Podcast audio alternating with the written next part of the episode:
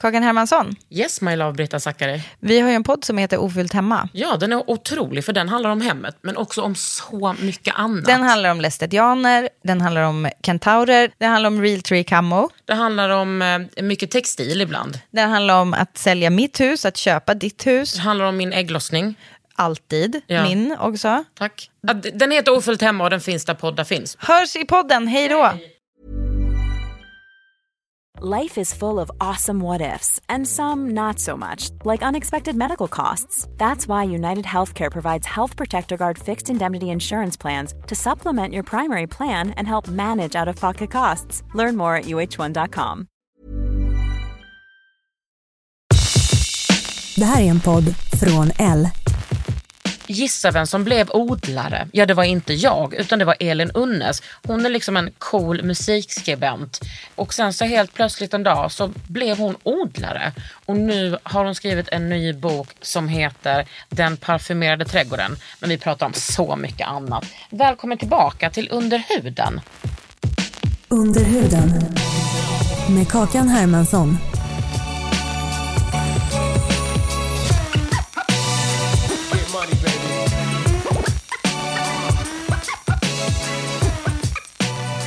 Elin Unnes.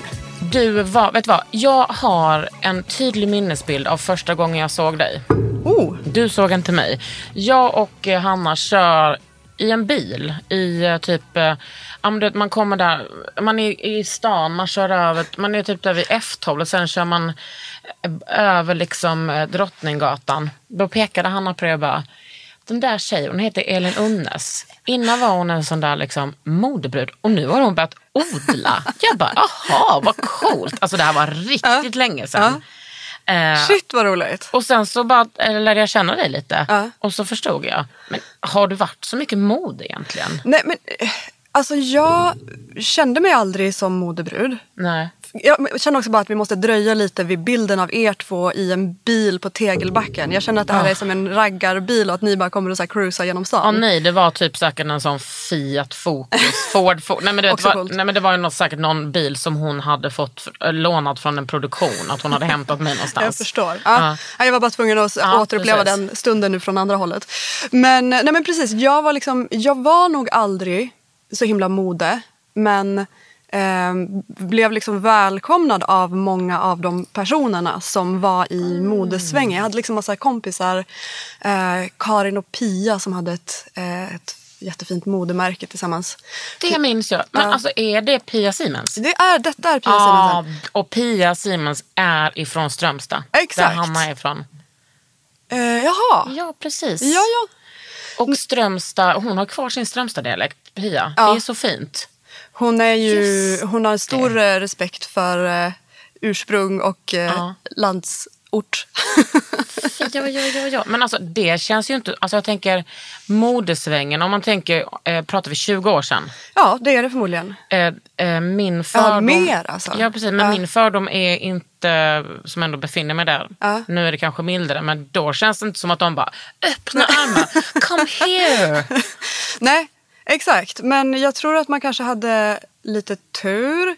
Och så här, för att jag också så här, kom typ från så här, musik. Ja. Eh, och på något sätt, du vet att så mode kan ju vara ganska så här, Modevärlden kan ju vara ganska så här, funktionalistisk. När modevärlden vill ha, så här, modevärlden vill ha allt som modevärlden vill ha. Ja.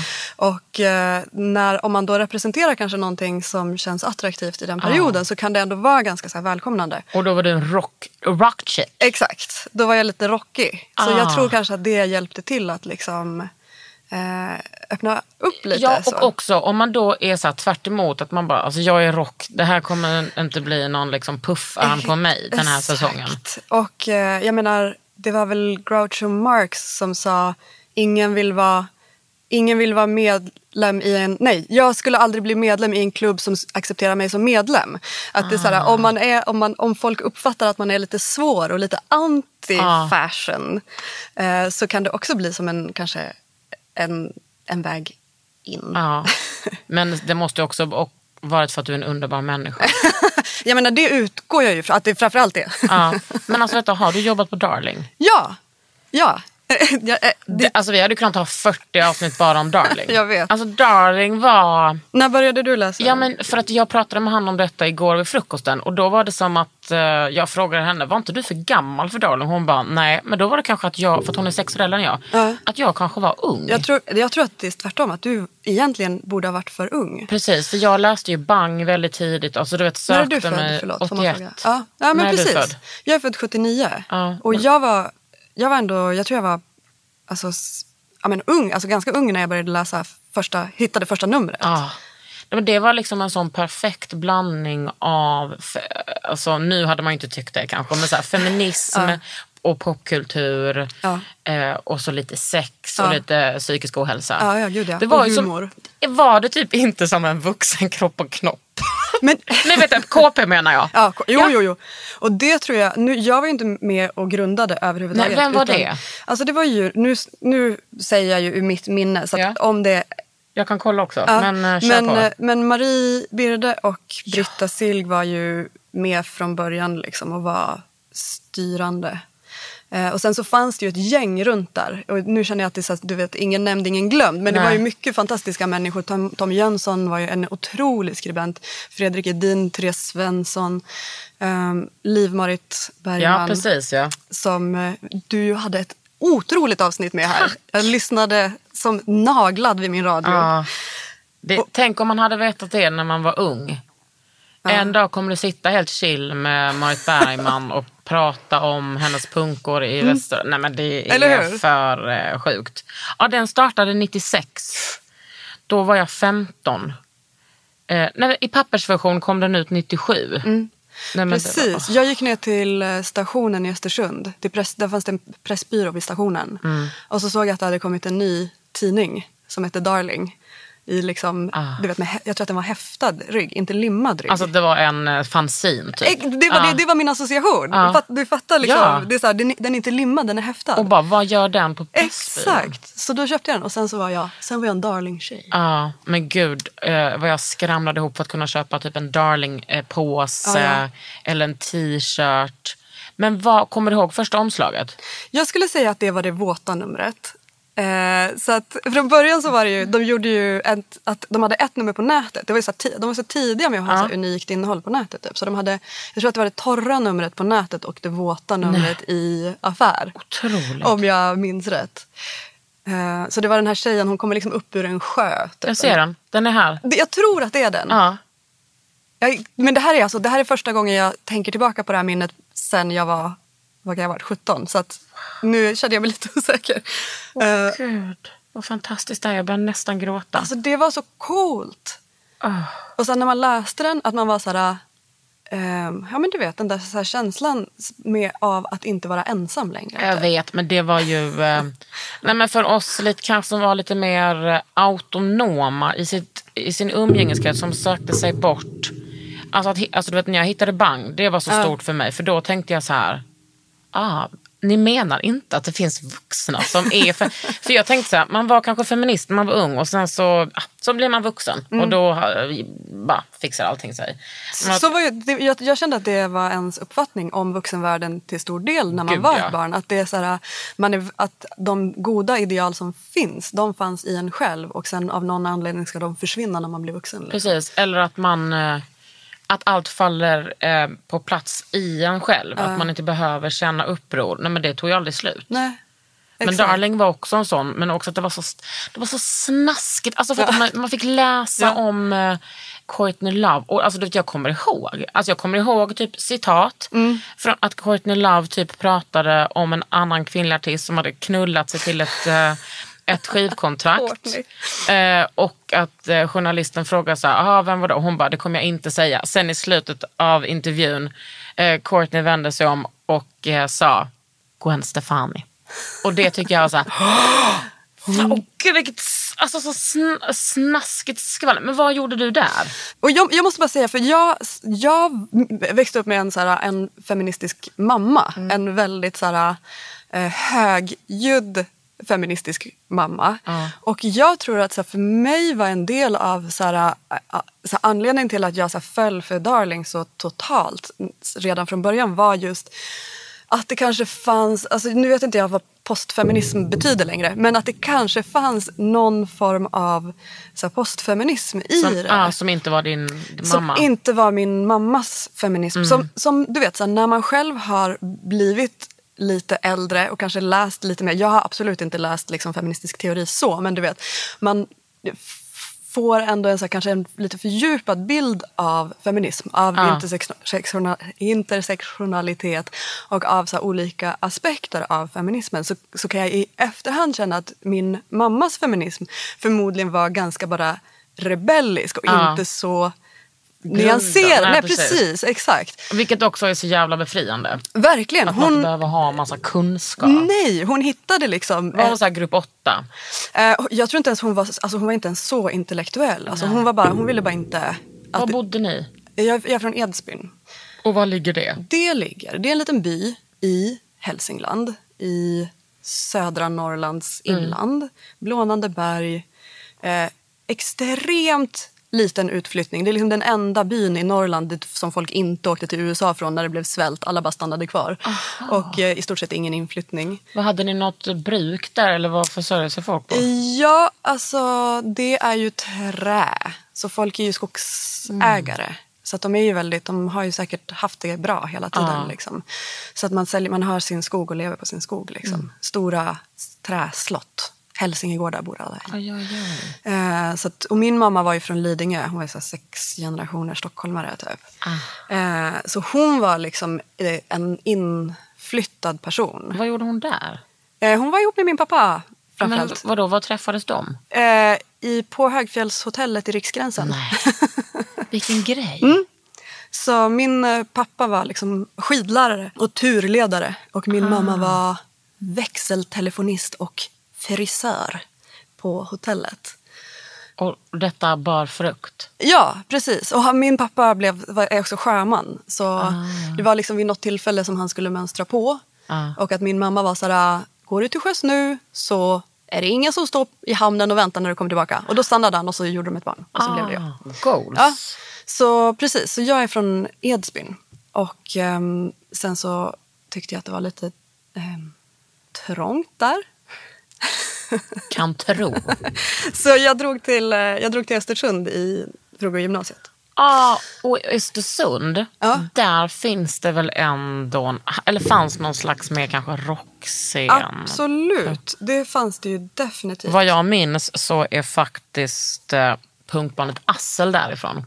Arsel, Nej, annars bra. Assel. Nej men det kanske bara är en av killarna som är därifrån, Gunnar. Det fanns ju en massa punkare där. Jag eh, är ju inte gammal Nej, punkare. men Jag, Det är väl ändå en hybrid av rock och... absolut. Kanske inte, jag vet inte. jag brukade, vi brukade åka till um, Gävle. Alltså när jag bodde kvar i Edsbyn så brukade vi åka till Gävle som ju kändes väldigt så här, både så här rockigt och punkigt. Ja precis, här, och, och Sandviken. Där kom det alltid en det massa sant? olika sådana band ifrån. Sandviken känns stökigt alltså. Ja, eller hur? Är inte kristet utseende där? Alltså, de, inte de från... eh, Alltså jag kommer ihåg att det alltid var massa såna HC-band. Nu gillar ju inte vi hardcore Nej. du och jag. För att Vi har är precis bondat över det. Ja, precis.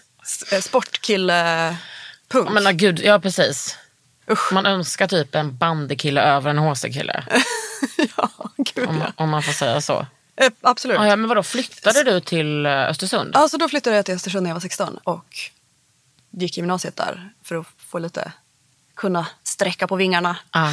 Eh, vilket var helt underbart. Och det var så härligt också för alla, jag var ju som den enda som var f- från utanför länet. Det var ju som, det är så, Östersund har ju ett, en jättestor så här uppsamlingsyta så att det är från alla vad kluk i Ärsen och eh, du vet så här, Mörsil och alla de där så här, byarna runt omkring kom ju alla kidsen in till Östersund. Så att vi, det var liksom, det var lite så här, en kombination av typ så här eh, Flugornas herre och ett så här FF-party. Typ. Men gud, jag tänker uh, bara FF. Att det blir Ja. liksom, att vara i den åldern Mm. och typ så uh, break free. Wow, utan att ens föräldrar ens ser vad man har på sig. Exakt. Eh, Vad åt du till middag? Nej men vi åt mycket kladdkaka. Mycket kladdkaka. Eh, och sen så... Vad sa du till dina föräldrar att du åt då? Nej men jag tror, alltså jag hittade ett så fruktansvärt sorgligt vykort eh, som, såhär, som min mamma skickade till mig när jag gick i gymnasiet som jag hittade så i en låda. Du vet, min pappa håller på att typ döstädar vårt hus i Hälsingland. Bara, här är en låda från ditt rum. Så här, Du får spara tre grejer. Eller du vet, så, här, så som pappor är när de ska så här, städa. Och eh, så hittade, hade, hade jag eller någon sparat det här vykortet som min mamma skickade till mig när jag gick i gymnasiet. Som var så här, eh, Elin, eh, svara i telefon. Jag måste veta om du kommer till Ja. Edsbyn det och det datumet. Ehm, så jag känner att jag kanske inte... Det var inte en superöppen kommunikation. Gud.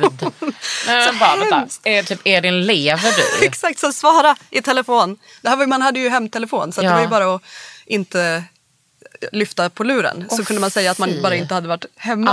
Ja. Så då skickade hon vykort till mig när hon behövde få tag på mig. Eh, Så jag tror kanske att det var liksom en... eh, Ja, att Mm. jag full on bröt mig fri på ett extremt passivt aggressivt sätt. Det låter härligt. Ja, det var underbart Det låter som faktiskt. en dröm. Ja, det var det. Jag, man kan ha dåligt samvete. Eller jag har, har dåligt samvete för, i efterhand. Du Ja. vet. Men, Det är eh, för sent nu, eller? Det är för sent nu! Så Mm. vad, vad ska man göra? Och så du vet, när man också tänker tillbaka så bara, men var det rätt för mig? Var det, hade, jag, borde jag gjort på, kun, hade jag kunnat göra på något annat Vad sätt? var, var alternativet att stanna i Edsbyn? Ja. Fanns det gymnasium där? De startade det det året jag fyllde 16. Gud, det var verkligen sliding doors för dig. alltså, ja. Att man bara, let me out! Anna, men det, jag känner att du gjorde rätt. Tack, tack. Jag känner också det. Det är Ja. det man måste. Det säger min terapeut också. Ja, det är bra. Gräv eh, djupt på det där. Men hur hamnade du på Darling då? Nej, men så då, då var jag där och så läste jag Darling och blev en Just det. Darling-tjej. Och eh, sen så flyttade jag till Stockholm. Och eh, Varför gjorde du det? jag tror att det var alltså min karriärsdröm som ung var överliggare. Eh, vilket jag känner nu i efterhand kanske bara var ett ord som jag hade hört Vad någonstans. fan är Alltså, det är överliggare? en person som eh, hittar så här kryphål för att stanna kvar på universitetet i så här 20 år. Åh gud, så mycket... Ja, du tänkte ändå på att universitetet var en möjlighet. Det, jag såg det som Mm. min framtida karriär. Ah. Och när man är 19, alltså, om, så här, säg att jag kan vara där, säg att jag kan vara på universitetet i 15 år. Ja. Alltså mer, längre än så tänker man ju Nej, men inte. då har man inga referenser Nej. till att man ska betala tillbaka några Åh, gud, nej. studieskulder heller. Nej, nej, nej. Ja, du skulle bli överliggare. Så jag skulle bli överliggare. Mm. Eh, Så jag sökte in till eh, bara en massa olika kurser som jag hoppades komma in på på Ja. universitetet. Eh, Och kom sig in på reservplats. Så jag fick reda på en, liksom, du vet, en tisdag. Eh, nej, en torsdag fick jag reda på att jag började på universitetet på tisdag. Ah. Så jag bara packade en så här 24 timmars väska och åkte till Stockholm. Liksom. Men Kände du någon här? Nej, Alltså, det, du vet, nu tänker man ju så här. 2020, att då, nu har typ folk, ehm, alla har Instagram och sociala medier och man, alltså jag själv är ju en sån supersocial person att man har ju så här vänskaper som man alltså aldrig har träffat men att man kan komma, jag kan bo hos dig. Men då, eh, vad fan då visste man ju ingenting. nej. Det var, man var fan rätt eh, lost alltså. Vem bodde du hos då? Men, så mina föräldrar har eh, massa vänner över hela landet. Just det, och din mamma. Jag är från Stockholm, så jag bodde på Lidingö hos liksom, vänner till familjen. Sen så ordnades det med en så här, boendesituation för mig i Uppsala som inte funkade för mig.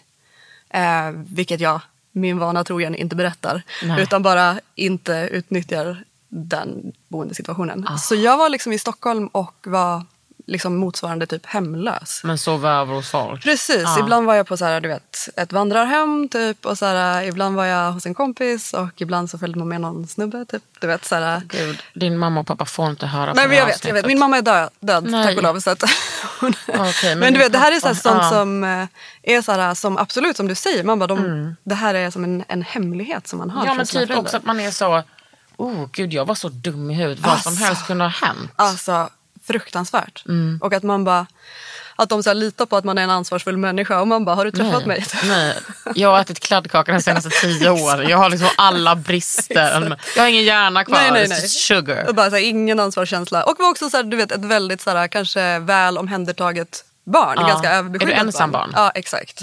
Mycket uppmärksamhet va. Inte kanske full on life skills där man flög ur boet. Nej. Utan så här, Men du hade ändå värmt upp med att bo själv Precis. i Östersund. Så jag tyckte ändå att det var rätt soft. Så, eh, och det visade sig att den här karriären, på, har du gått på universitetet? Ja. ja. jag, har, jag har gjort det lite på Lunds universitet, teologi. ah, Men sen har jag ja. gått på Konstfack. Det är ju inte ett universitet. Det är ju en, det är ju jävla... En social klubb. Men Hogwarts eller vad det heter. Det är en social klubb. Gud vad Det roligt. stämmer. Ja, men för jag var lite överraskad över att den här karriären som eh, överliggare krävde lite mer av mig än vad jag hade förväntat Så mig. taskigt. Väldigt att de bara Ja. förväntade sig närvaro, poäng, Resultat. resultat och så vidare. Trots att jag liksom sökte kurser som till exempel praktisk filosofi och sånt som jag utgick ifrån inte krävde någonting. Överhuvudtaget. precis. Så är det typ det svåraste på universitetet. Ja, exakt. Så jag blev liksom utskickad ifrån eh, universitetet. och taskigt. eh, b- påbörjade en, en eh, liksom mycket lovande karriär inom telemarketing. Ja, jo tack, där har man varit. och någonstans där, där är liksom rock bottom, liksom, eh, inte riktigt någon bra boendesituation, ingen, inga pengar, ingen karriär, inte så populär på sitt telemarketingjobb. Så eh, tvingar en av mina kompisar mig att ringa Marie Birde. Nej. Eh, hon, på telemarketing får man ju bara ringa. Du kan bara ringa ut till de nummer som finns i systemet. Du kan liksom inte bara slå ett nummer. Eh, men min kompis var så mellanchef på det här telemarketingföretaget. Så jag fick gå in och låna hennes riktiga telefon.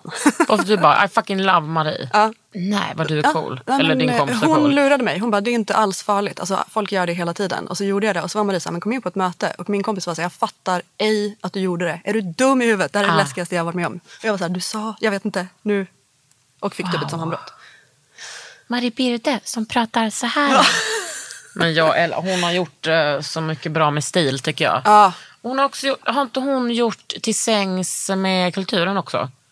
det visste inte jag. Eh, något annat Marie är ju lite av ett geni. Och en person som jag är skyldig allt. Liksom. Mycket pengar. och, och det. Vadå, sen bara du börja jobba på Då, Darling? då, då, blev, då gjorde hon mig till eh, praktikant på men Darling. fy fan vad gött. Så Vilket- sjukt. Och då, det var liksom som det bisarraste jag har upplevt. Du vet när man aldrig har trott att man ska ha ett jobb Ja. i sitt liv. När man aldrig har så tänkt att den skriv Ja. skulle, även om jag alltid har skrivit, att man, du vet, man har aldrig sett framför sig att det skulle kunna vara en, ett jobb. För Men en. fick du betalt för det? Jag fick betalt. det var på den tiden. Alltså, så jag fick, eh, jag fick 2000 i månaden. Eh, och så fick jag eh, av min farmor fick jag 3000 i månaden. Åh, Så det var, det var min... du eh, levde alltså. ja. Wow. Det var fett. Men, alltså, Det var ju mer pengar än jag hade haft i hela livet. ja, men jag tänker typ så. Men du vet på den, du måste ju varit en it-girl. N- Någonting, alltså nu borde jag fråga Marie här, men det var ju Ja. någonting som gjorde att hon var beredd att chansa på mig. Jag Ja. tror inte att det var min starka glittrande personlighet utan det Nej. var någonting att hon bara, jag chansar typ. Vi Ja. låter henne, vi släpper igenom henne. Vi men för se. nu, du vet, nu, nu vet man ju så här typ. Jag, jag, jag, jag ser framför mig hur 20-åringar har koll på alla andra 20-åriga personer som är it-girls och it-persons liksom. Och gud vad svårt och jobbigt det kändes att Nej men, på. jag, nej men jag blir utbränd av det. Att allting redan är bestämt. Ja men att, all, att folk har så här koll på nu är jag ju en offentlig person och några av mina kompisar är ju också det. Ja. Att, man liksom, att folk ser oss utifrån tänker jag på en gång om året kanske. Och bara att de känner varandra, de är så kändisar, bla bla bla. Att, att man, så är det bara ens vanliga lilla liv man Ja. håller på med. Och så där tänker jag med, med it-girlandet. Men, alltså eh, vad stressande. Och. Ja. De är duktiga som kämpar på i den där världen alltså. Ja, men det var, alltså, jag tänker också så här. För, för många så finns det liksom inget alternativ. Alltså antingen så blir man en cool Ja. person eller så... Alltså det är bara det man ska bli. Och att, så, att inte delta är liksom inte ett, alt- ett Nej. alternativ. Du vet, det är som den där grejen i Kina. Jag tror inte att de har rullat ut det än, men de har, så här, drömmen i Kina är att så här, rulla ut ett så här, system där liksom, din eh, samhällsaktivitet och din samhällsnärvaro eh, registreras och poängsätts. Att så här, om du är liksom engagerad i de här sociala sammanhangen så blir det ett poäng och om du liksom åker och är med på det här så blir det en poäng. Om du handlar på ditt kort på de här butikerna så blir det poäng. Och eh, att inte delta i det poängsättningssystemet gör att du automatiskt får ett dåligt, alltså ett dåligt score. Så att du måste liksom... Det är verkligen som Sims, uh, alla kommunism typ. Exakt. Eller kommunism alla Sims. Ja. Och jag tänker att det är den, så här, det är den Ja, världen det kanske. är ju typ så. Att det är så här, att inte delta betyder automatiskt så här, du, vet, du går på en anställningsintervju och bara hur många följare har du på Instagram? Bara, Ja men precis. "Nej, men jag har men gud, Instagram. så där är det. Så där är ju jag är mitt jobb hela tiden som influencer. Ah, kan du det- skicka dina stats? Man bara absolut, jag är 39, jag är ingen cool ungdom. Alltså, det är folk ber om det. Nej men snälla Elin, det är hela mitt, eh, alltså influencerlivet går ju ut på det. Om jag hade haft tusen följare vill ju inte folk, sam, alltså jag ska ju nå ut för att jag ska sälja.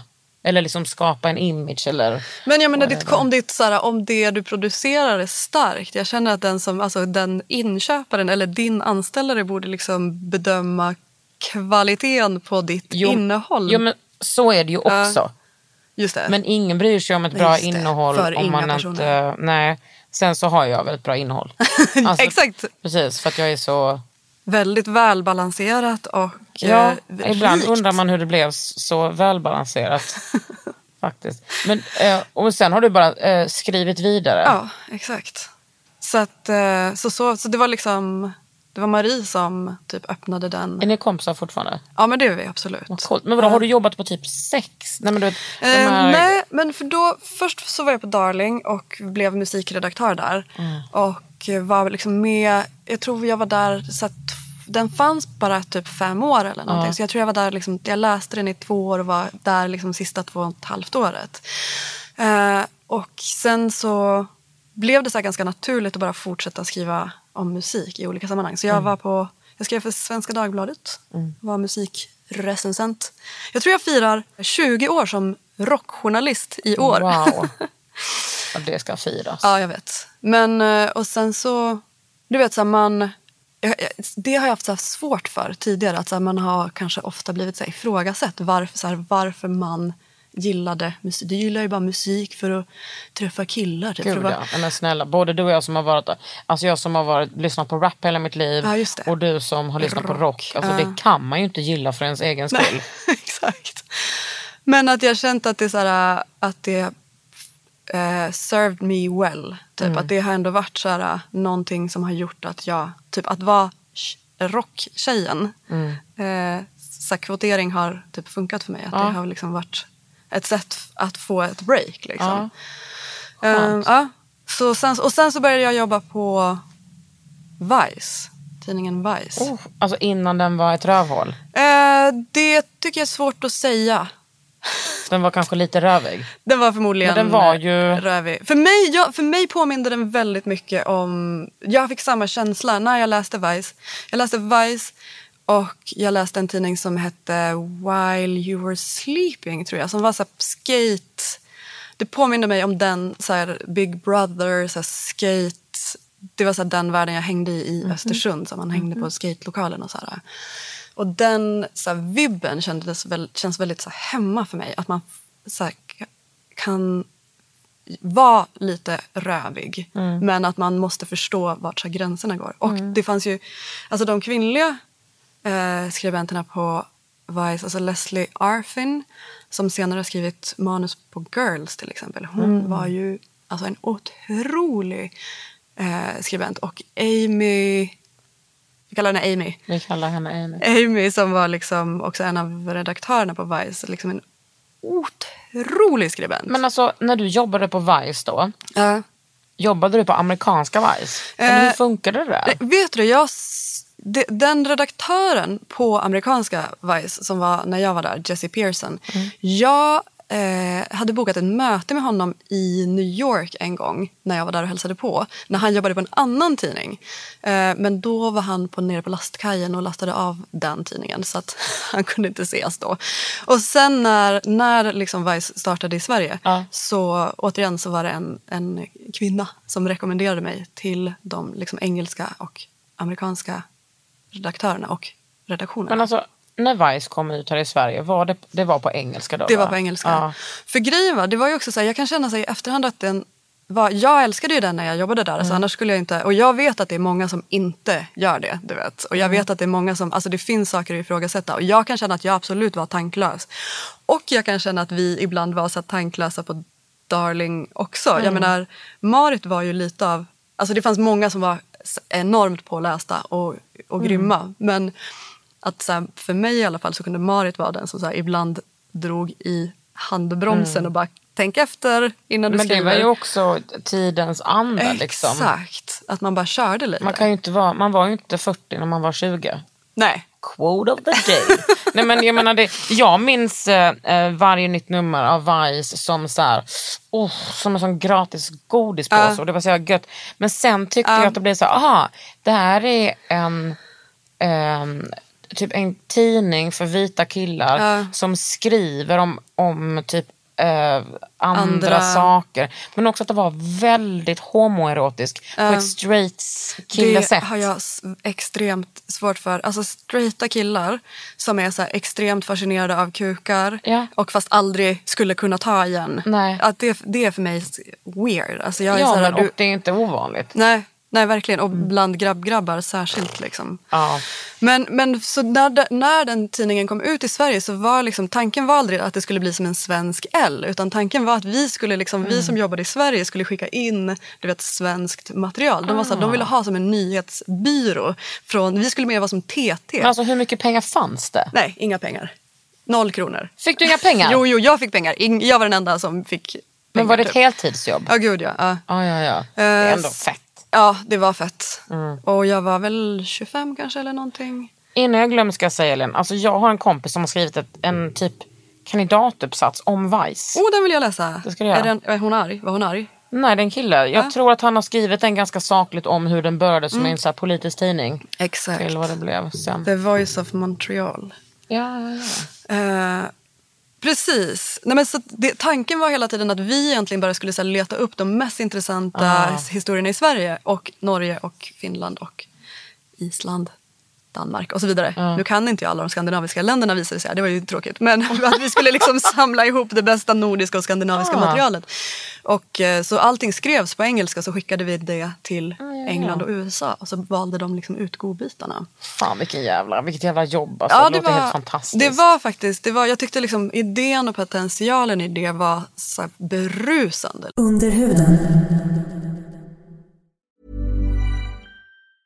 If you thought the only way to get a more defined jawline with natural looking results was through surgery, think again. Juvederm Volux XC is a non surgical injectable gel filler that improves moderate to severe loss of jawline definition and can help you achieve natural looking results with little downtime. Even better, this improved definition lasts up to one year with optimal treatment. No maintenance required. Improve jawline definition for a smooth, sculpted look with Juvederm Volux XC. For important safety information and to find a licensed specialist, visit juvederm.com. That's J U V E D E R M.com. Not for people with severe allergic reactions, allergies to lidocaine, or the proteins used in Juvederm. Common side effects include injection site redness, swelling, pain, tenderness, firmness, lumps, bumps, bruising, discoloration, or itching. There's a risk of unintentional injection into a blood vessel, which can cause vision abnormalities, blindness, stroke, temporary scabs, or scarring. Talk to a licensed specialist to find out if it's right for you.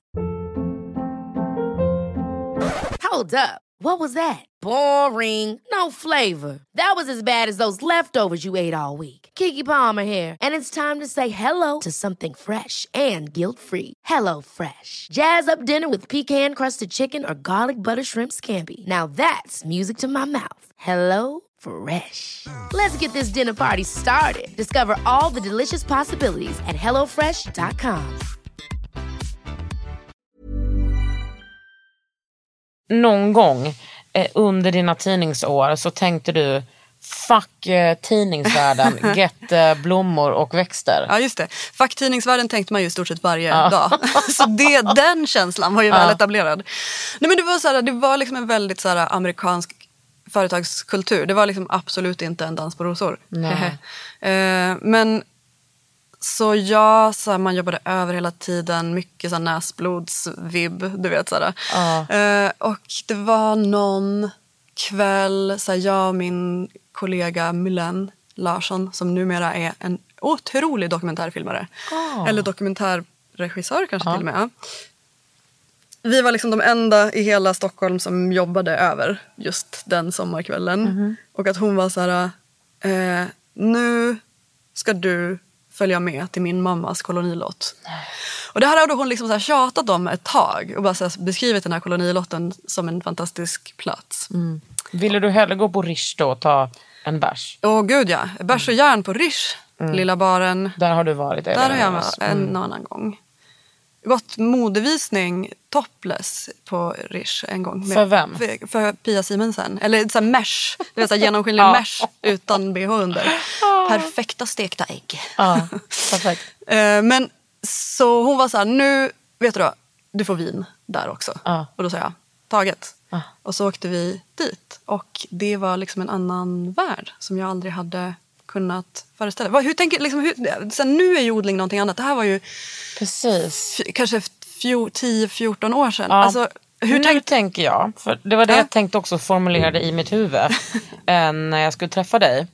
Att nu så känns det som att var och varannan av mina typer så här, trendiga politiska tjejkompisar håller på med det där. Mm. Yes, alltså eh, chefen som du träffade nere, Sia, det är det enda hon vill göra Ja. på sin semester. Då Exakt. bara tar hon av sig telefon, liksom, ja, men in-earsen och så bara eh, odlar hon och påtar i landet att det finns någonting. Men det ligger nära mig som konsthantverkare Just att det. jobba med händerna på det Såklart. sättet. Jag vet ju att det är så förlösande, avslappnande. Alltså det är någonting med handen och hjärnan Mm. och den kombinationen som är bara och leran och jorden. Ja, det är liksom också så här, ja, men, den kombinationen med, med doft Ja.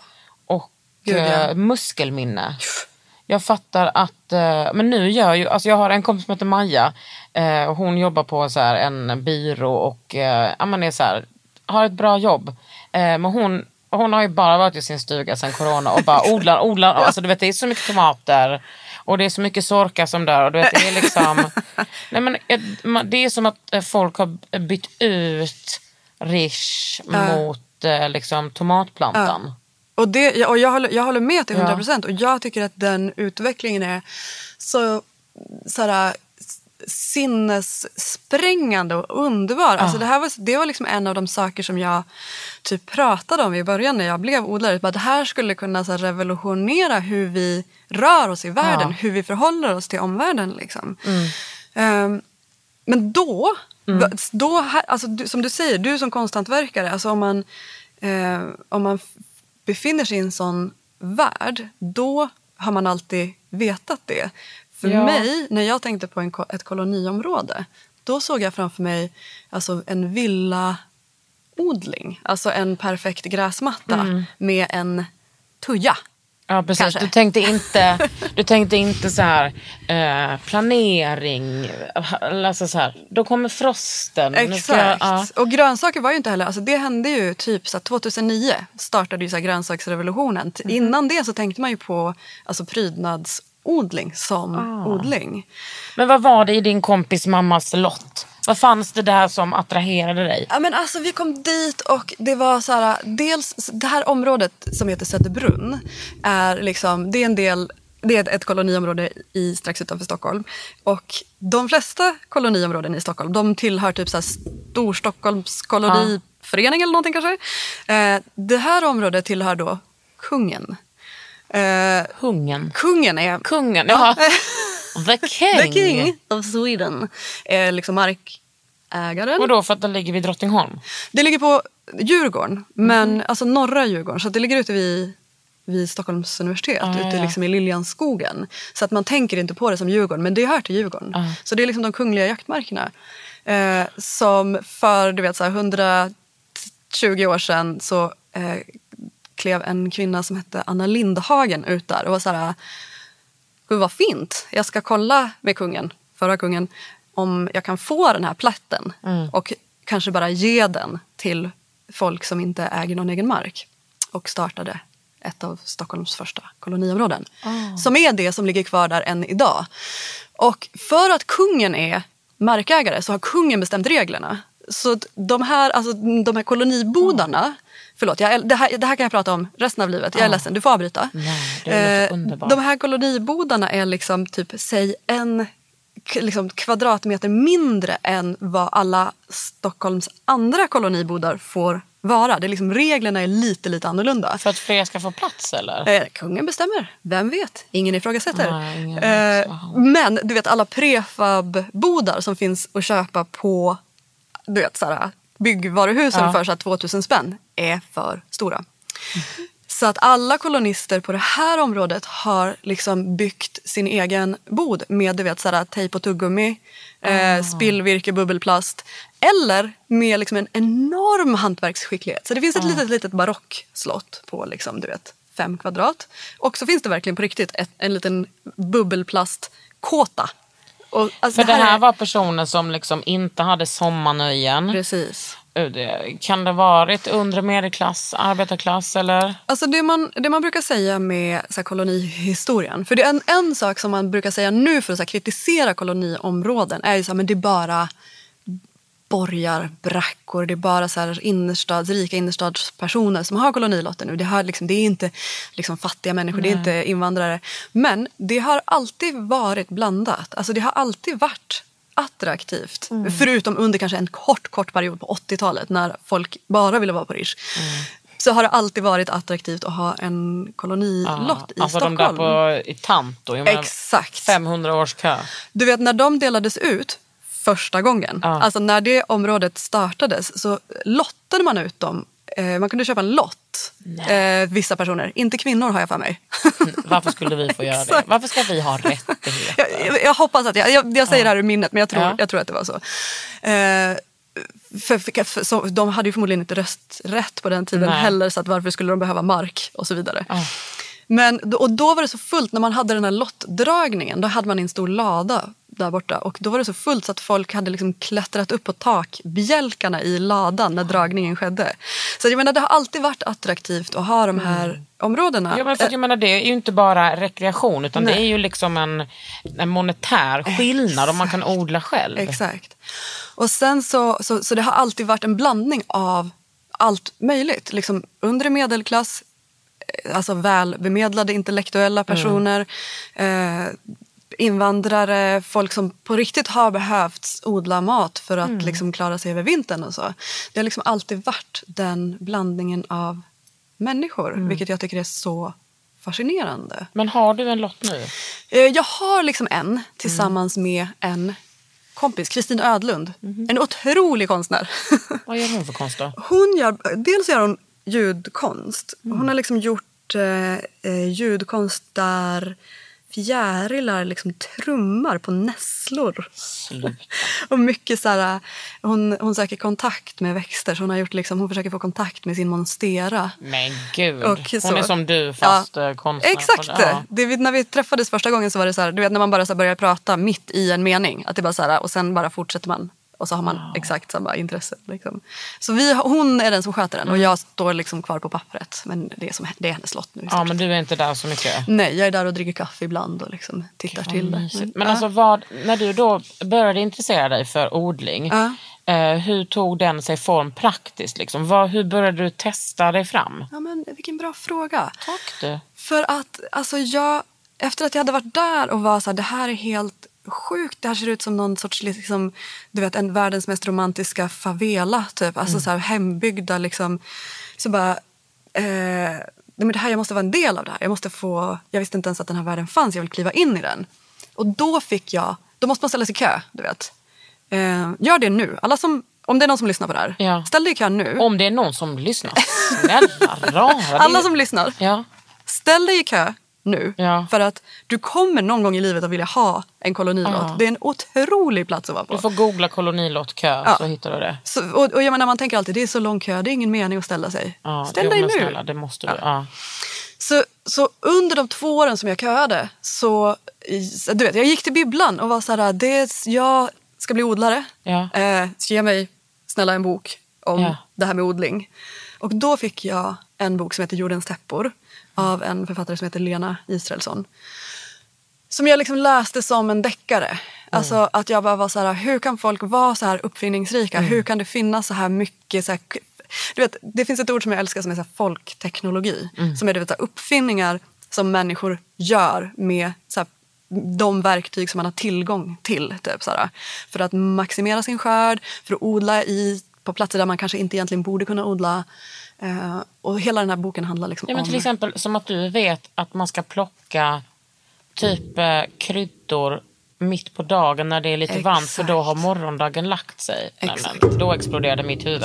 Men jag menar, för jag kan bli sådär ibland när jag ska liksom ta mig an någonting helt nytt. Ja. Vänta, gör man en sten någon gång? Nej. Att man blir så här, "Pff, nej det här är för mycket för mig. Exakt. Jag orkar, men du kände inget, ingenting sånt? Eh, det blev lite som en... Jag fick liksom inte välja själv. Utan när... Okej, det kändes så här. Det var som... Du vet den där drömmen man har när man är i sin lägenhet och sen så upptäcker man att det är typ en dörr, en ny dörr i köket. Och så öppnar man den och så finns det en helt till lägenhet som man aldrig hade visst. Som man inte ens behöver betala hyra för. Exakt, utan den bara finns där plötsligt. Ja. Så var det. Du blev bergtagen Ja. av eh, odlingen. Vackert uttryckt. Det var det som hände. Mm. Att jag, bara, jag klev in i det här nya rummet och sen var jag där. Och På sen en- dess har du varit där. Ja, i stort sett. Men alltså hur... eh, Och då, och då var det en teoretisk kunskap. Där, det var liksom, mitt intresse handlade bara då på den tiden om teori. Och jag läste bara, i två år så bara läste jag böcker om odling. Och var sådär, eh, du vet när jag fick lotten, när, när jag till slut ble- blev så tilldelad en lott. Så var det så här, lyckligaste dagen i livet, förutom när jag gifte mig. Eh, samt, jag är världens bästa Ja, du var odlare. redan det. Jag var det. Ja. Du vet, jag kliver ut där och är fullärd. Eh, så jag vet inte, vill vi ta några så här, bets på hur det gick? Typ? Hur? eh, du var inte det. Jag var inte det. Nej, gud vad fruktansvärt Så, att höra. är inte det chockerande? Alltså det är ändå lite. Men jag, det där hade jag ju slutat igen. Att man visade sig att man inte var bäst på fucking odling. Som man ändå har så studerat i två år. Som om det är... Men det är det som är grejen. Man kan ju läsa, det här tycker jag är ett bra Mm. Återigen exempel. handen. Man kan läsa i 50 år om Mm. hur man drejar. Exakt. Eller hur man gör en lerskulptur. Ja. Men man måste veta, man måste sätta leran mot sin kind Mm. och känna om den är lädertorr och man kan sätta, alltså man måste, man kan ju inte, det är så, det är muskelminne och taktilt, erfarenhet alltså. Men vad, hur, vad, vilken tid på året fick du din lott? Nej, men vi fick den liksom eh, riktigt du vet, så här, fulaste tiden i Sverige. Vilken månad är det? Februari. Ja, nej, men så här, kanske mars då. Det är, Ja. det är liksom ingen snö kvar. Det har tinat. Ja. Och det är så blött. Ingenting har kommit upp. Den står, det såg ut som en ris. Den stod under vatten. Liksom. Det såg ut som en Mm. Men risodling. vad, vad finns det att göra då? Nej men förmodligen ingenting. Och det här var väl ett av problemen. Att jag bara, nu kör vi. Nej. och, bara, eh, och, och, och så började jag också odla mycket i lägenheten. Du vet, och så drog Mm. upp eh, rosenbönor i lägenheten som visade sig växa med ungefär 10 cm om dagen. Ah. Så att sätta dem i februari och bara i juni, du vet när det är dags att sätta Ja, ut dem. Så det är, då är hela min lägenhet rosenbönor i stort Ja, sett. och typ för tung. Åh för gud att- ja. ja. Och så sätt, spänna fast dem på, liksom bak på cykeln och de bara pi- piskar efter en i trafiken. Liksom. Vad är det, Norrtäljevägen eller vad det kan vara man åker ut dit. Liksom. Så det gick eh, superdåligt. Men, och, men då blev inte du ledsen eller kände du bara, nej men nu, nu får jag bara lära mig mer? det var liksom första gången i livet tror jag som jag inte slutade med någonting som det visade sig att jag var dålig på. Och det enda andra jag någonsin har gjort är att skriva. Typ. Så att det, är så här, det var så här, skriva, okej, det var jag ändå helt okej på redan från början. Odla, så här, allt däremellan har jag varit värdelös på när jag börjat med. Ja. Och odling. Och odling är liksom det enda som jag bara... Vet Det är vad? som jag och keramiken alltså. Är det så? Det var bara, alltså, det var bara, vet, Hur i den här- hittade du det? Eh, jag gick en kvällskurs och det var på så här vuxenskolan och jag fann ett lugn direkt. Såg ut som skit. Ja. Men jag bara kände att det här kan nog vara min grej. Alltså. Blev det, liksom, det blev inte bra första gången? Eller blev det bra? Nej, alltså det blev inte direkt... Eh, alltså folk har gjort fulare grejer. Jag skulle säga de flesta har nog gjort fulare grejer på liksom, kvällskursen. Men jag var ju ändå så här, det här är min grej. Alltså. Jag, se- jag fick sånt lugn. Ja, ja men samma. Mm. Och så här, jag tror att, så här, jag har tänkt mycket på den där grejen. Du vet, vad är det som gör att den här, just Ja. den här grejen inte var det? Men, så här, och den enda, så här, an, så den enda jämförelse jag kan komma på är du vet, så när du spelar tv-spel och Mm. så, så här, kutar ut på första banan, dör vid första stupet. Så är det inte bara så här, kast, dags att kasta tv-spelet. Nej. Dags att aldrig mer spela ett tv-spel. Men man bara köttar på. Det, ja, du köttar på. Och det Ja. var så här, Och på något, det blev så på något sätt blev det som ett, ett tv-spel för mig. Att jag bara måste level up. Typ. Och, sen, och när jag liksom hade klarat mig igenom den där första, du vet, bara att få någonting att växa. Överhuvudtaget. Så vill man bli bättre och bättre på det. Och man vill ta sig större utmaningar. Och eh, se hur långt man kan nå. Liksom. Men alltså nu är du ju alltså the queen of the odling. Ja, Okej, så problemet är att jag har liksom blev då istället lite så kär i utmaningen. Så att min så här, trädgård fortsätter se ut som skit varje år bara för att jag så här, undrar om man kan... Hur är det med... Jag hade ju också en så stark vilja till självförsörjning. Så det här sammanföll liksom... I Stockholm. Ja. Var alltså har ni en trädgård? Eh, ja, det var ju 100, 100 kvadrat eh, kolonilott Ja, du kallar trädgården kolon... Ja, det- där, precis, där jag ja. odlade. Liksom. Och så här, nu när folk säger så här, jag vill bli självförsörjande. Så brukar de, det- då finns det lite tillägg Mm. som man ska göra. Som till exempel, jag vill bli självförsörjande på grönsaker.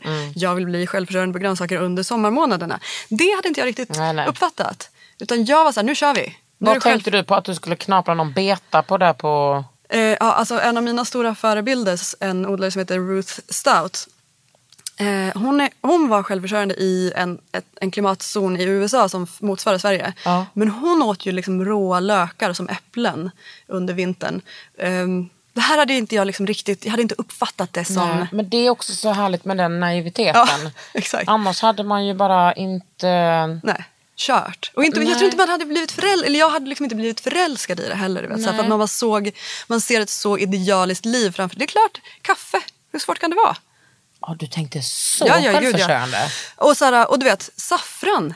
Det, kan väl, alltså, det är en krokus. Hur svårt Ja. kan det vara? Och så vidare. Och så vidare. Och det har liksom fortsatt lite att jag så här, ändå vill utmana. Så att när, jag, liksom, när någonting går väldigt bra så har jag en tendens att överge det. Squash. Okej, Det var för enkelt. det var för enkelt. Och så här, nu, och det som är tråkigt med squash är att så här, det är för enkelt. Jag kan inte odla det. Man badar i squash. Det är så mycket squash. Alltså, om jag aldrig mer ser en squash så är det för tidigt.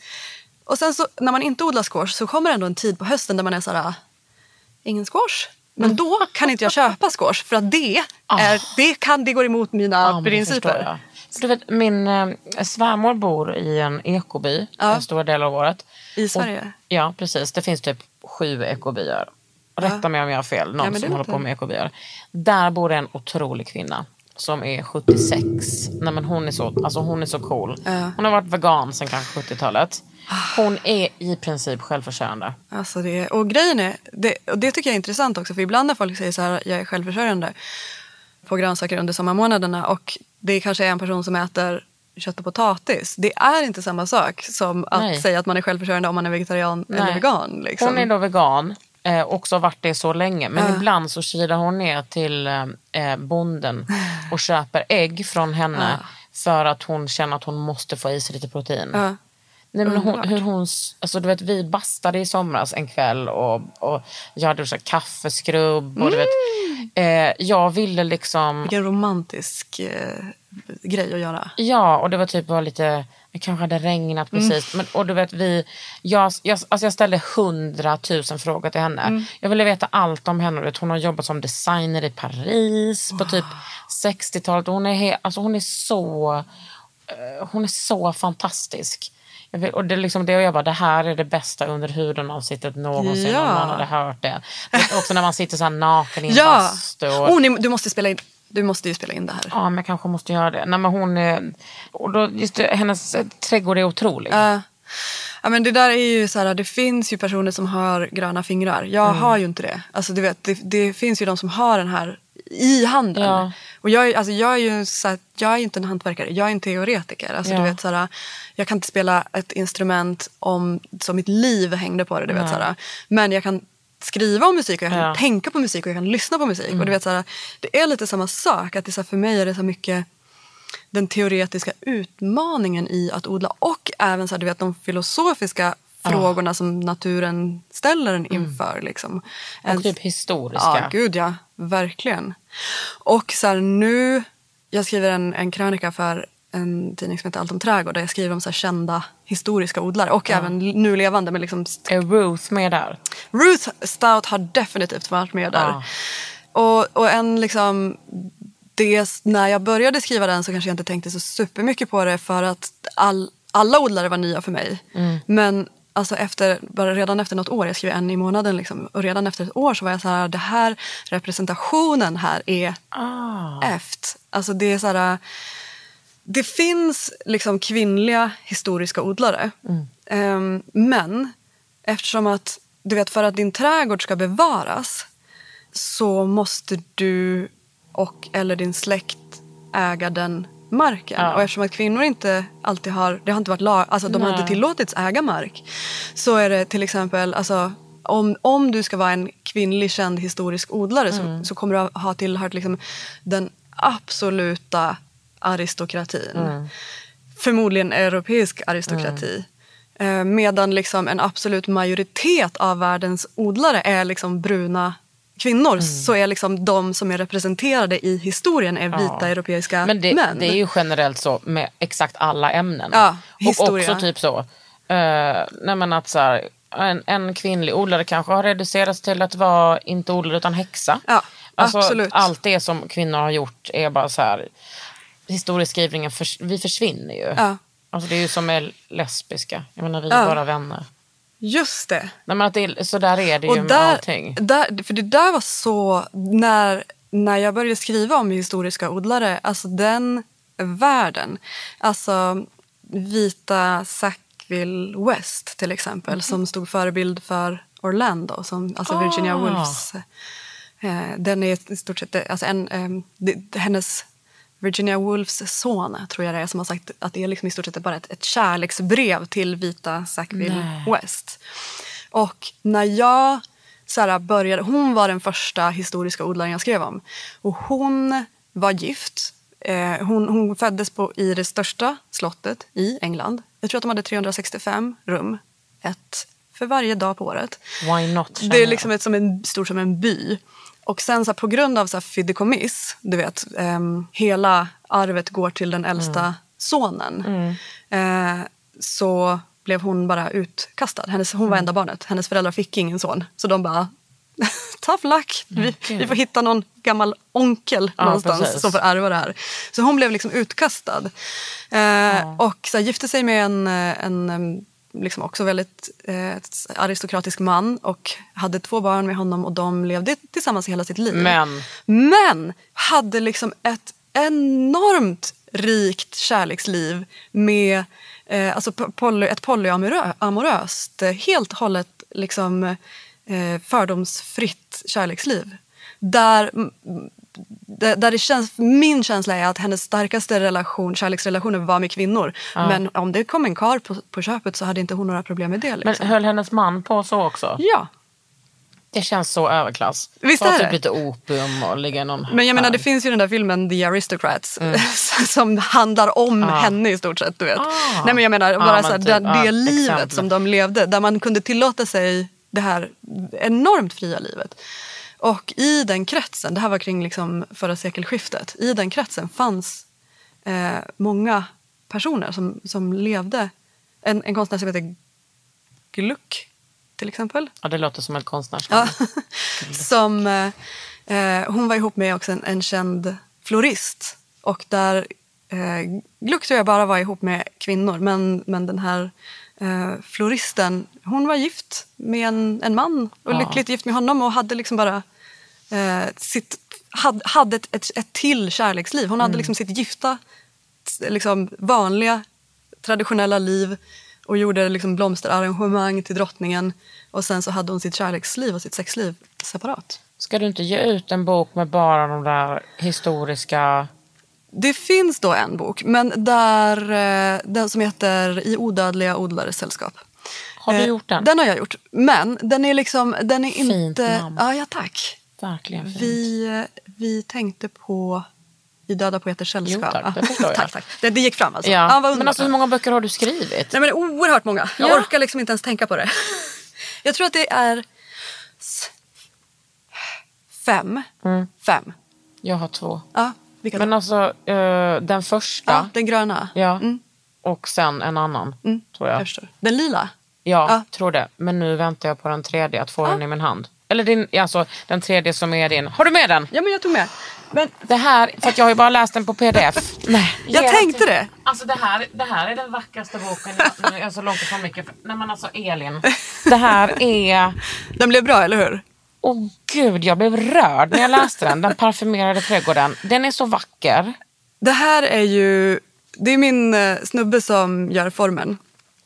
Bra Stefan gjort. Fält. Ja, han är duktig. Eh, och vi har jobbat med en konstnär som heter Maja Forslund. Eh, som är liksom Sveriges Sally Mann i stort sett. Om, och jag hoppas att det inte är så nedlåtande att säga att någon är Sveriges någonting. någonting. Hon, är sig själv, hon är Sveriges Maja Forslund. Hon är Ja. helt otrolig. Hon jobbar liksom i så här gammeldags teknik, så storformat, mellanformat. Du vet när hon tar en bild så låter det som att någon smäller igen en Ah. laggårdsdörr. Du vet. Ehm, och eh, hon gjorde liksom de här bilderna under du vet, ett års tid i stort sett. Gjorde ni dem ihop eller fick hon liksom uppdrag av dig? Hon, vet du, det var väldigt så fram och tillbaka. Hon törstade efter information från mig och eftersom att jag alltid har sån jävla, jävla skrivkramp så kunde jag liksom inte riktigt ge henne någonting. Nej. Eh, Så hon har ganska mycket så här, i perioden hon har fått feeling så har hon kört. Och sen ibland så har jag liksom eh, lämnat över växter till henne. Så de växterna där på omslaget, de här rosorna, Man känner typ doften hit. exakt, det är eh, Austin-rosor av en sort som heter New Dawn. Tror jag. Och de, liksom, det här är, de, jag plockade de sista, höstens absolut sista rosor. Om du tittar noga så ser du att de, den, de faller på bilden. Alltså hon har fångat dem medan de faller. Alltså de var så överblommade när hon fick dem av mig. Så att medan hon gjorde den här bilden så föll de sista, årets sista rosenblad föll från Men alltså det här, jag kan säga att det här är ju inte bara som en klassisk typ så odlarboken för din trädgård. utan det är ju ändå så, jag har skrivit ner ett citat här.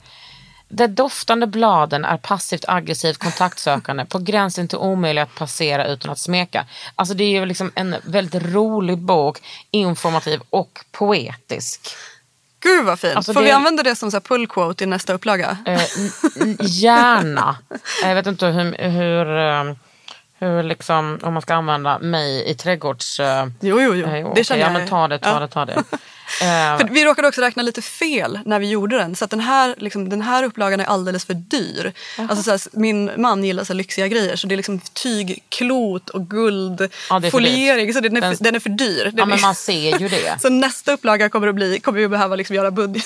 Ja, det kan inte vara insjunken bild. Exakt, precis. Ja, då ska jag verkligen hålla i den här. Ja. Nej, men det, Så ehm, den blev bra. Jag gillar också liksom att foto och illustration står så stort. Ja. Att det är så...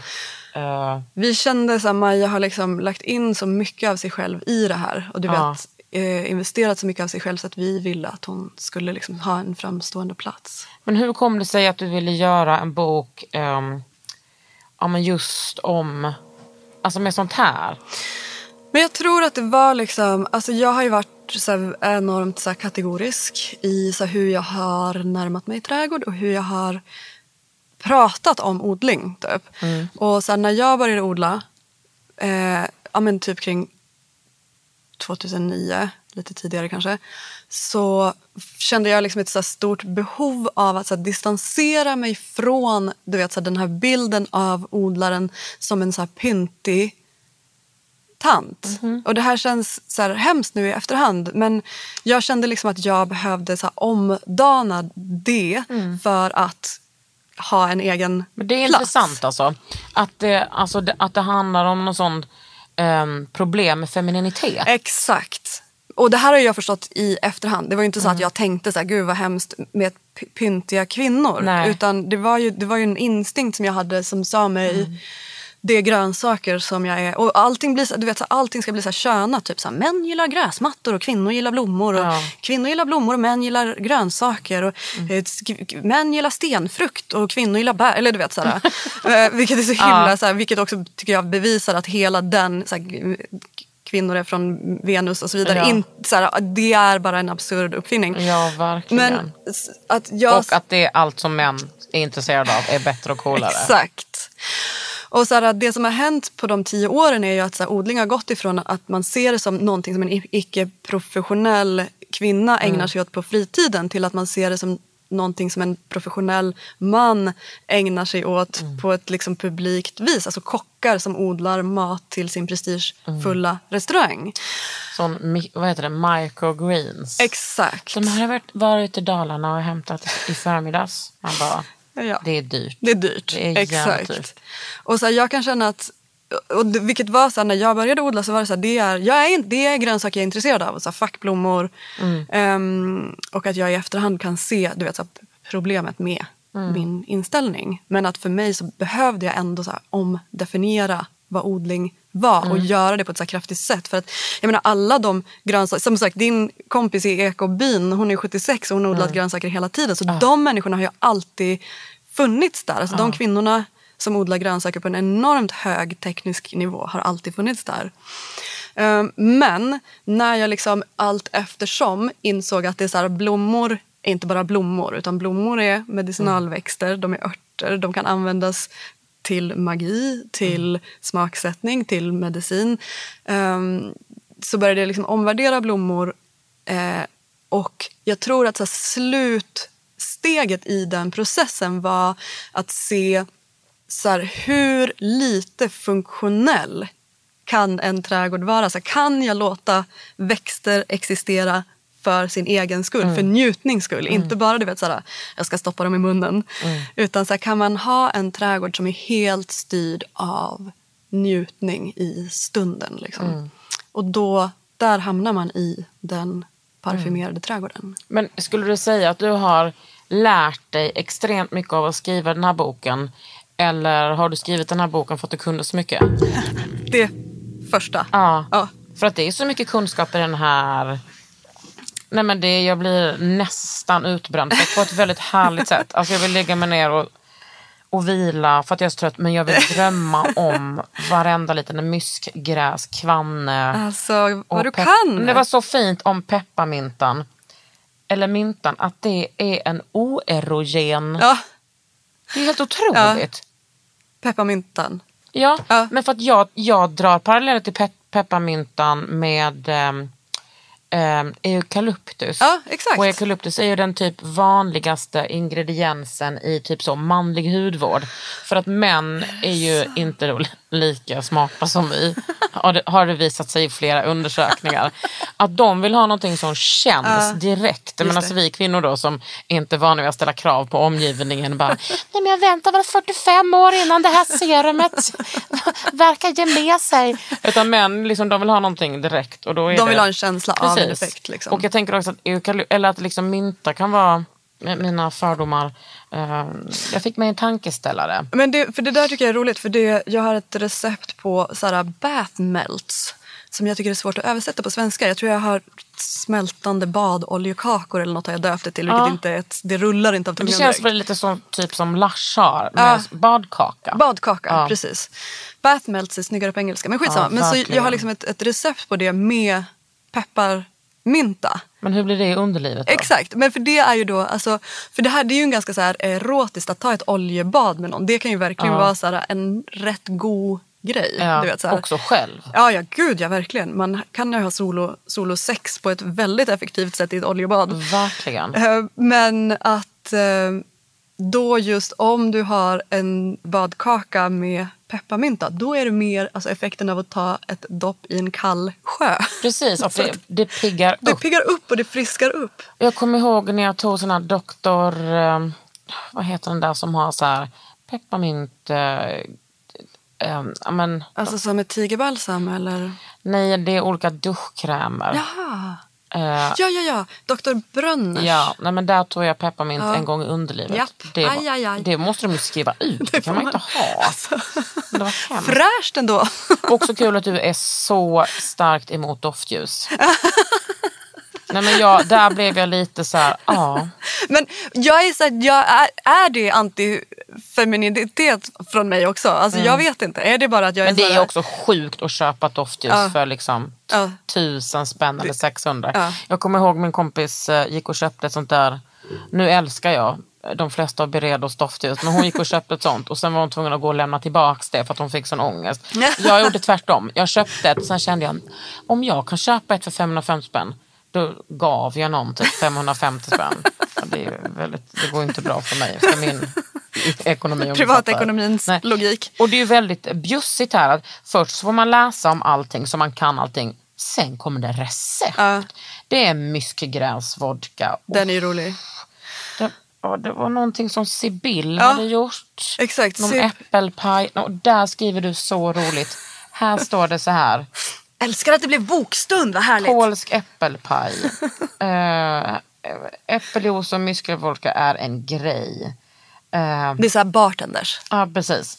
Här är receptet som smakar ännu mer äppelpaj.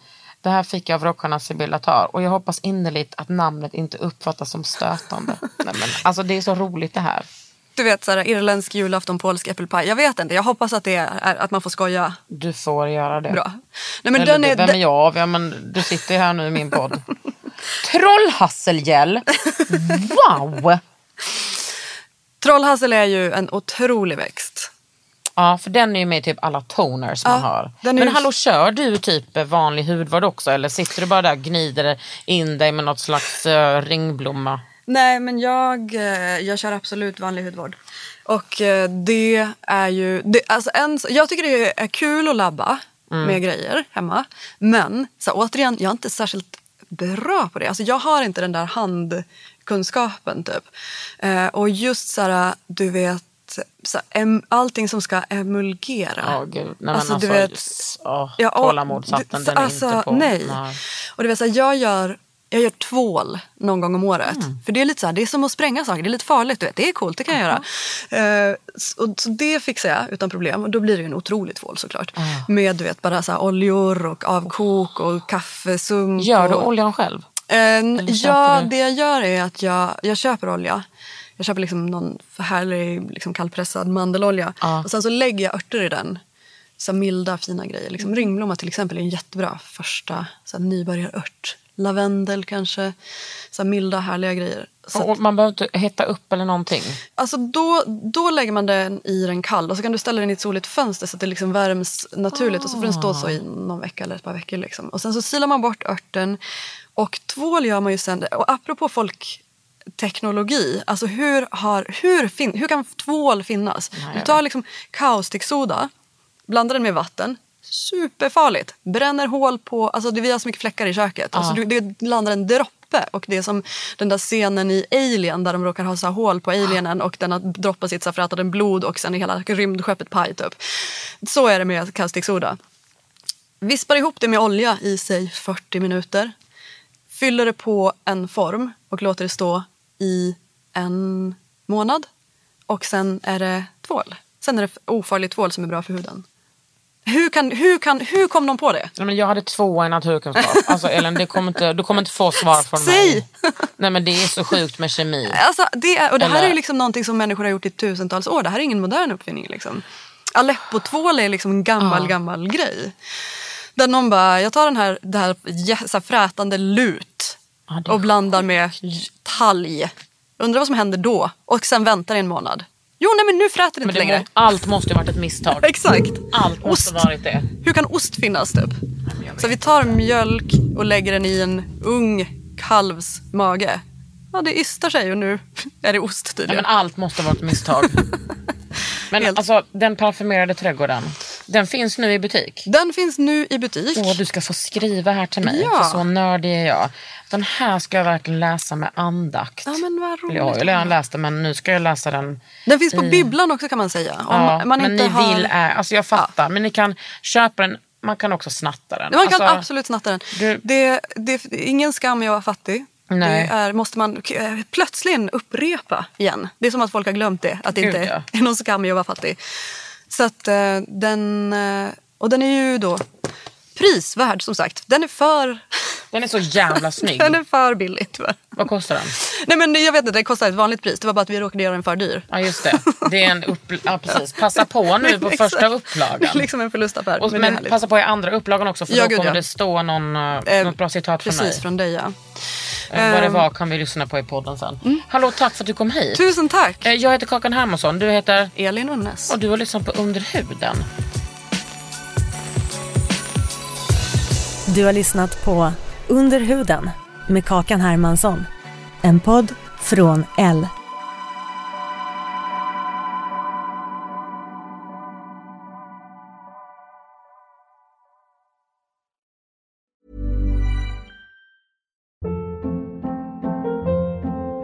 Hold up. What was that? Boring. No flavor. That was as bad as those leftovers you ate all week. Kiki Palmer here, and it's time to say hello to something fresh and guilt-free. Hello Fresh. Jazz up dinner with pecan-crusted chicken or garlic butter shrimp scampi. Now that's music to my mouth. Hello Fresh. Let's get this dinner party started. Discover all the delicious possibilities at hellofresh.com.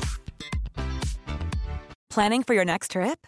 Elevate your travel style with Quince. Quince has all the jet setting essentials you'll want for your next getaway, like European linen, premium luggage options, buttery soft Italian leather bags, and so much more. And is all priced at 50 to 80% less than similar brands. Plus, Quince only works with factories that use safe and ethical manufacturing practices.